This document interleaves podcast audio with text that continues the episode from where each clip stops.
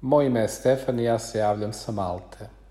Ovo je zemlja koja je od samog početka uradila vrlo dobar posao koji se tiče prevencije daljeg širenja zaraze.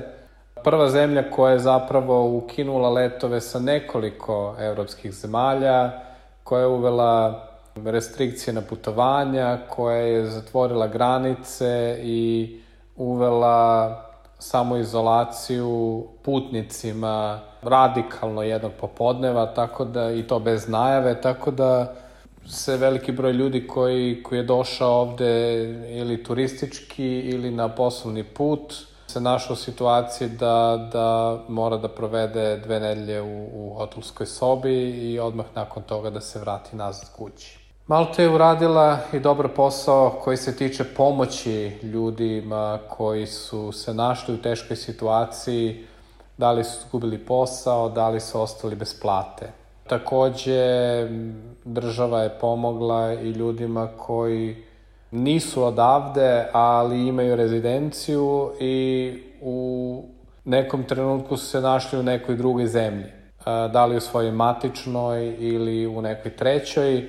oni su pomogli da se ti ljudi vrate nazad. Stanje na ostrvu je u granicama normale, iako kafići, restorani, shopping centri ne rade, supermarketi naravno rade, većina biznisa je, je odlučila da zaposleni rade od kuće, ali život teče normalno, ljudi dalje idu na plažu, ovde ne postoji bilo kakav policijski čas, poštuju se građanske slobode i ljudska prava, jedino što je zabranjeno je skupljanje u grupama većim od tri. Ja se zaista osjećam bezbedno i srećno da sam ovde, jer apsolutno verujem i državi i struci, ali i ljudima koji se pridržavaju svih mera i čine sve kako bi smo svi zajedno pobedili ovu krizu. Ono što me pogađa je situacija koja se dešava u Srbiji, gde se svakodnevno krše ljudska prava, gde se svakodnevno vrši tortura nad stanovništvom i pre svega mi je žao svih onih e, ljudi koji prvenstveno zavise od informacija na TV-u, a to su oni najstariji.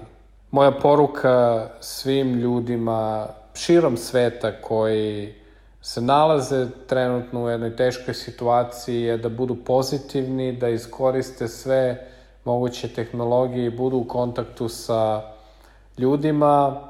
i da ne brinu jer smatram da ovo neće još dugo da traje, jer bi ekonomske posledice bile prevelike. I kada sve ovo prođe, ja želim da vas pozovem da posetite ovo naše predivno ostrvo u Mediteranu, opustite se na plaži, popijete koktel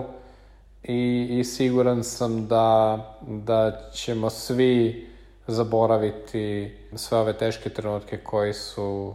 nas trenutno zadesili.